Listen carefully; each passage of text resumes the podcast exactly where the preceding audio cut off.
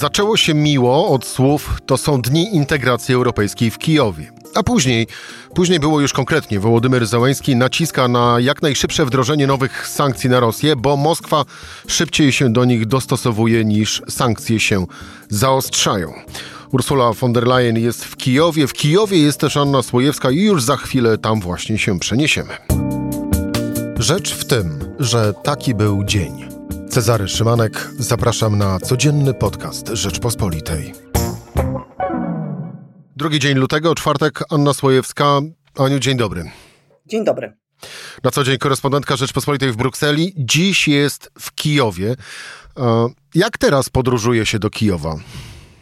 No my z Brukseli polecieliśmy samolotem do Rzeszowa i z Rzeszowa e, autokarami, samochodami, bo to większa grupa leciała z komisarzami e, Komisji Europejskiej.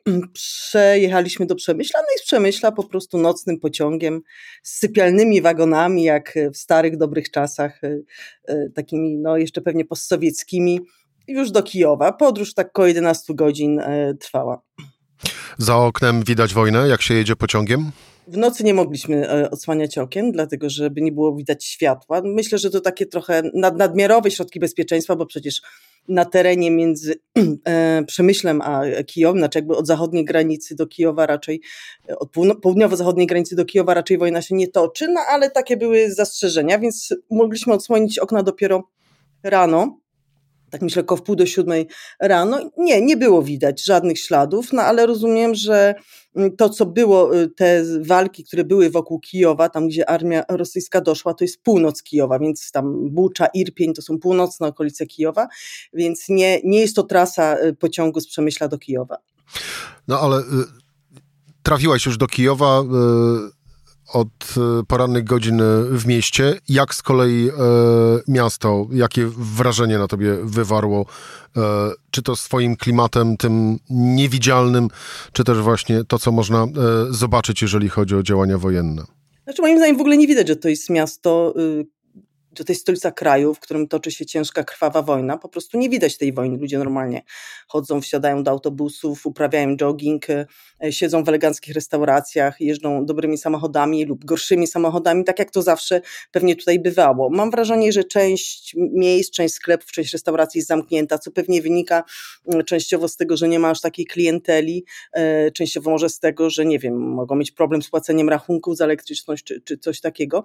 E, to tak widać jakieś takie, y, gdzieś tam jakiś rodzaj wystawy, ekspozycji niedaleko hotelu, w którym mieszkamy koło cerkwi świętego Michała jest taka ekspozycja z jakimiś poniszczonymi wozami bojowymi rosyjskimi, jakieś zdjęcia, um, zdjęcia tego, tych, tych, tych zbrodni, których Rosjanie dopuścili się na, na terenach Ukrainy, jakichś zawalonych budynków, poranionych ludzi, ale w samym mieście tego kompletnie nie widać.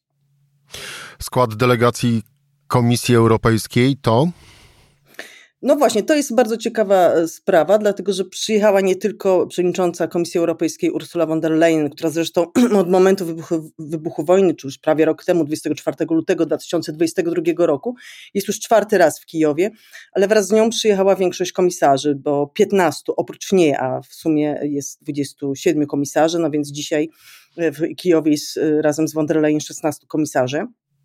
I to jest po raz pierwszy w historii zdarzyło się, żeby Komisja Europejska wyjechała na takie wspólne robocze posiedzenie Komisja Europejska rząd do kraju, który nie jest członkiem Unii. Już nie mówiąc o tym, że po raz pierwszy wyjechała do kraju, który jednak jest w stanie wojny. E, do tej pory Komisja owszem zdarzało jej się takie wyjazdy, ale były to co pół roku do kraju UE, który akurat sprawuje prezydencję, więc na przykład na początku tego roku wyjechała do Szwecji, ponieważ Szwecja od 1 stycznia przejęła rotacyjne kierowanie Unią Europejską. W związku z tym myślę, że i sama von der Leyen też tak przedstawia, że to jest taki symbol, że po prostu mamy z Ukraińcami takie stosunki, mówiąc kolokwialnie, robocze, po prostu, że spotykają się komisarze z ministrami, rozmawiają nie tylko o wielkich politycznych sprawach, o wojnie, o rozszerzeniu i tak dalej, ale też o takich codziennych konkretach, o tym na przykład, że trzeba y, Ukraińcom dostarczyć żarówki energooszczędnej. Dzięki Unii Europejskiej do, e, do Ukrainy płynie 35 milionów żarówek LEDowych, które każdy Ukrainiec będzie mógł odebrać na poczcie za darmo. To w znaczący sposób ograniczy zużycie prądu, co jest oczywiście kluczowe w sytuacji, kiedy infrastruktura energetyczna jest bombardowana przez Rosjan To jest kwestia zorganizowania rodzinnych domów dziecka dla dzieci, których rodzice zginęli w wojnie i którzy, które normalnie byłyby umieszczone w takich, no niestety, w starym sowieckim stylu zorganizowanych e, okropnych zbiorczych domach dziecka. I teraz Unia ma taki know-how przekazać i bardzo pomóc i finansowo, i, i poradami, jak takie małe rodzinne domy dziecka zorganizować. Więc to, to są bardzo takie mm, ciekawe, pojedyncze przykłady tego, że że właściwie z tą Ukrainą to już się nad wszystkim w tym momencie pracuje, że Ukraina jest tak bliskim partnerem y, Unii, że, że no, no nawet o żarówkach i o domach dziecka się dyskutuje. A też wydaje mi się, że jeśli chodzi o te domy dziecka, to też jest bardzo taki ciekawy przykład, jak bardzo y, Ukraina różni się jednak od Rosji, że, że, że władze Ukrainy e, jakoś przejmują się tym takim ludzkim wymiarem wojny, że dzieci zostają bez rodziców i że nie jest dobrze, żeby były w jakichś obcych, y, chłodnych miejscach jak domy dziecka, tylko gdzieś, żeby były, skoro już nie mają tych rodziców, żeby chociaż były otoczone jakąś miłością czy przyjazną atmosferą i kogoś to interesuje. Sądzę, że w Rosji nikogo ofiary żołnierzy, którzy zginęli w wojnie, nie interesują. Znaczy dzieci żołnierzy, którzy zginęli wojną, nie interesują. E, Aniu, wejdźmy teraz e, kilka poziomów wyżej, bo pierwsze spotkanie e, szefowej Komisji Europejskiej Ursuli von der Leyen i prezydenta Wołodymira Załęskiego za nami. To z konferencji prasowej po tym spotkaniu były właśnie owe słowa, które przytoczyłem na początku, że Moskwa szybciej się dostosowuje do sankcji, niż te sankcje się zaostrzają. Załęski dostanie obietnicę y, zaostrzenia sankcji od Ursuli von der Leyen? Dostanie, znaczy dostał już, bo będzie dziesiąty pakiet sankcji, który ma być, y, ma być zaakceptowany, ma być uzgodniony do 24 lutego, a oprócz tego dziesiątego pakietu sankcji którym zaraz powiem, co może w nim być. Jest też jeszcze pewnie w tym tygodniu skończy się dyskusja na temat wprowadzenia limitu cenowego na produkty robopochodne, czyli przede wszystkim na, na olej, mm, y, olej opałowy i na paliwo diesel. Więc najpierw może o tych paliwach powiem, bo to jest bardzo ważne, dlatego że Unia wcześniej, jeszcze w zeszłym roku, pod koniec zeszłego roku wprowadziła yy, i potem to zostało też podjęte przez grupę G7, czyli generalnie przez rozwinięty Zachód, podjęła decyzję o wprowadzaniu limit na e, ropę. I to jest bardzo ważne, dlatego że co prawda Unia już prawie tej ropy nie importuje e, z Rosji, ale ponieważ jest taki limit, to nikt nie może z Unii czy w ogóle z krajów Zachodu transportować, ubezpieczać tej ropy sprzedawanej powyżej 60 e, dolarów za baryłkę. I to jest sytuacja, to jest mechanizm, który spowodował, że spadła cena ropy na świecie, dlatego że nawet takie kraje, które nie przyłączają się do sankcji wobec Rosji, jak na przykład Indie, czy generalnie kraje, powiedzmy, rozwijające się, y, no to one wykorzystują tę sytuację, bo po co mają płacić Rosjanom więcej za ropę, skoro mogą, mogą zapłacić mniej. I szacuje się, że Rosja dziennie na tym limicie y, cenowym na ropę y, traci dziennie 160, miliardów, 160 milionów dolarów dziennie. Podobne, podobne straty będzie też ponosić, jeśli zostanie wprowadzony limit cenowy na te y, produkty ropopochodne. Jest oczywiście dyskusja, ile ten limit ma wynosić, czy mniej, czy więcej. Wiadomo, zawsze te dyskusje są, y, są ciężkie w y, Unii, no ale koniec końców te środki są wprowadzane. No i teraz pytanie jest jakby, co, co jeszcze Unia może zrobić takiego spektakularnego, bo prawdę powiedziawszy, to już tak wiele, wiele rzeczy nie zostało, dlatego że najważniejsze sankcje, to były tak naprawdę sankcje na energię, bo z tego żyje Rosja i z tego jest w stanie finansować machinę wojenną. E, pamiętam, jak blisko rok temu w ogóle nie śniło się nikomu, żeby sankcje na gaz wprowadzić, a Rosja po prostu sama odcięła Unię od gazu. Sankcje na węgiel wprowadzono, sankcje na ropę wprowadzono. Właściwie została już tylko energia nuklearna ale to wydaje mi się i tak jak tu rozmawiamy nieoficjalnie, to jest nieprawdopodobne, żeby, żeby sankcje na, na Rosatom, czyli na firmę rosyjską naftową, która na przykład dostarcza paliwo energetyczne do starych jeszcze takich sowieckich powiedzmy bloków e, nuklearnych w Unii Europejskiej, e, żeby takie sankcje wprowadzić. Po prostu zbyt wiele krajów, wliczając Węgry, ale nie tylko, jest uzależnionych od tego paliwa, więc to, to na pewno nie przejdzie. Natomiast z takich symbolicznych rzeczy pewnie jednak będą wprowadzane sankcje na diamenty, które Belgia blokowała przez już chyba ze dwa czy trzy razy, ale teraz jakoś tam e, próbuje, próbuje sobie z tym poradzić. Takie sankcje będą. Będą wprowadzone też sankcje na Białoruś, co jest istotne, dlatego że to dotyka trochę problemu, o którym mówi Zełęski, czyli omijania sankcji, bo na różnego typu produkty, przede wszystkim takiego podwójnego, cywilnego i wojskowego zastosowania, były wprowadzane sankcje wobec Rosji, ale nie wobec Białorusi. I te produkty mogły po prostu przeciekać przez Białoruś, jak wiadomo, przyjazną e, Rosji. Więc teraz tak identyczne jakby takie zwierciadlane sankcje zostaną wprowadzone na Białoruś, żeby właśnie tego obchodzenia sankcji y, unikać. No i pewnie ileś tam jeszcze będzie takich prób, y, prób łatania różnych, różnych dziur, które w sankcje są, no i wprowadzania ewentualnie jakichś, jakichś nowych sankcji. Ale tak jak mówię, takich spektakularnych, wielkich sankcji, które Unia mogła wprowadzić, już tak wiele nie zostało. Ursula von der Leyen w trakcie e, dzisiejszej konferencji prasowej e, mówiła również o odbudowie Ukrainy i nawiązała do e, rosyjskich publicznych pieniędzy, które jej zdaniem powinny zostać właśnie na odbudowę Ukrainy przeznaczone. Jak czytać te słowa, Twoim zdaniem?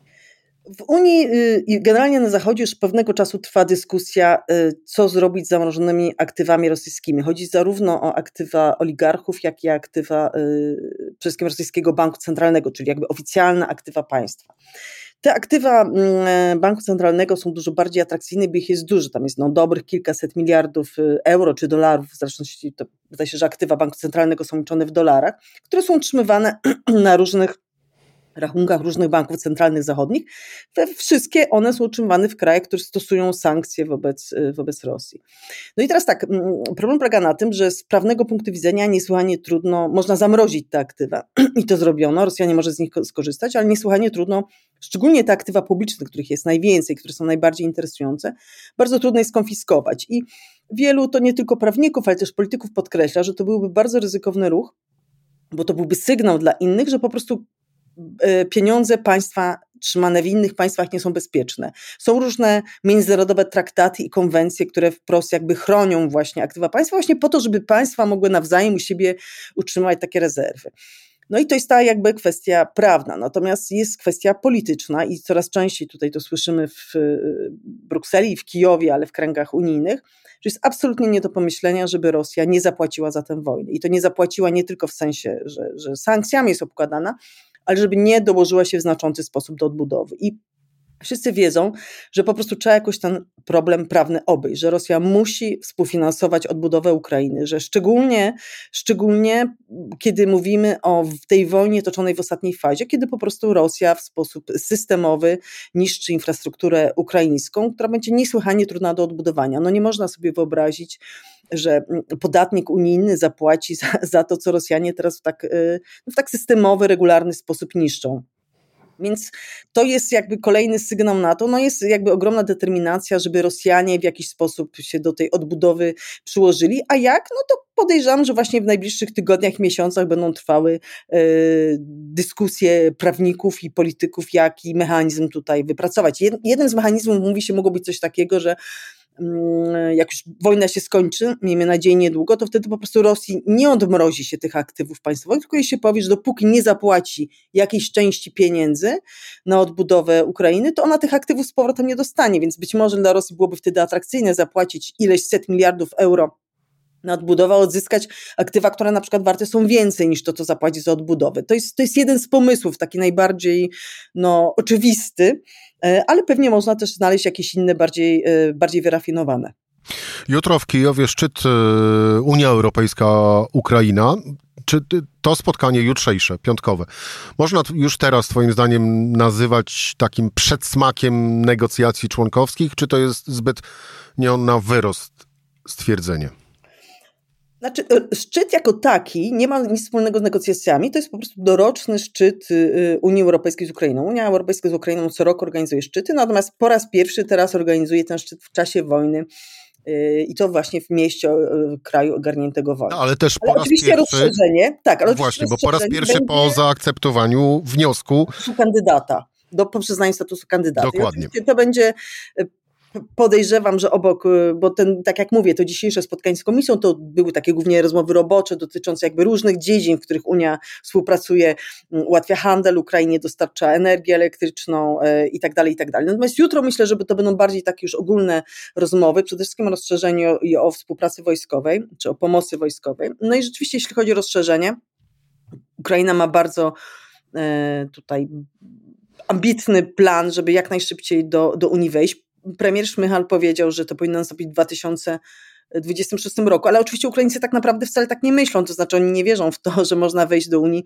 w 2026 roku, skoro mamy rok 2023, a negocjacje jeszcze się nie rozpoczęły, prawda? No to by oznaczało, że oni musieliby w, dwie, w dwa lata y, negocjacje zamknąć, co no nie wiem, wydaje mi się, jakimś rekordzistą takim w ostatnich latach to była Słowacja, która chyba w 3 czy 4 lata zamknęła te negocjacje, no a jednak nie była w stanie wojny, no i jednak była dużo bardziej rozwinięta, była bliżej standardów unijnych niż Ukraina jest dzisiaj.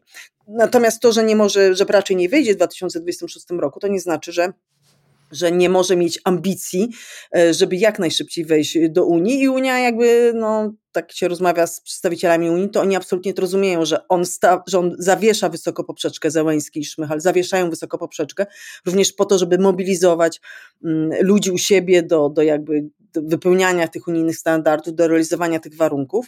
Unia w, te, w tym na, na wiosnę taki ustny raport przedstawi wstępny, no, a w październiku będzie taki regularny raport o rozszerzeniu, który obejmie nie tylko Ukrainę, ale wszystkie inne państwa kandydujące, więc jeszcze Mołdawię i, i państwa Bałkanów Zachodnich. I generalnie uważa się, no, że tak realistycznie, to, to, to, czego Ukraińcy oczekują, to oczywiście nie, oni nie oczekują, że im się dzisiaj powie, że się nego, jutro im się powie, że się negocjacje zaczną, czy nawet, że im się jutro powie, kiedy negocjacje się zaczną, ale oczekują jakiegoś takiego gestu, jakiegoś kolejnego kroku. Pierwszym krokiem było przyznanie statusu kandydata, Teraz y, Unia, teraz Komisja Europejska może powiedzieć, że fajnie wypełniacie te warunki statusu kandydata i jak zrobicie to czy tamto, to jest szansa, że dostaniecie mandat do rozpoczęcia negocjacji. I po prostu chodzi o to, żeby cały czas były jakieś kolejne kroki, które podtrzymują ten wysiłek reformatorski i też podtrzymują wysiłek wojenny, bo sam Zełański dzisiaj powiedział, że fakt, że dostali status kandydata że zbliżają się do Unii, to też jakby daje jego ludziom e, więcej takiego, mówiąc kolokwialnie, paliwa, żeby walczyć w tej wojnie przeciwko Rosji. Kijów, Anna Słojewska, dziękuję Ci bardzo za rozmowę. Dziękuję bardzo. To była rzecz w tym w czwartek. Cezary Szymanek. Do usłyszenia po weekendzie.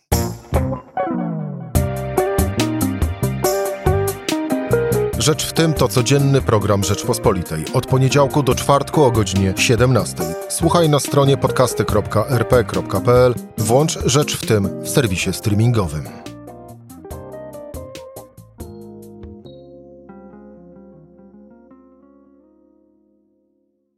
Poznaj mocne strony Rzeczpospolitej.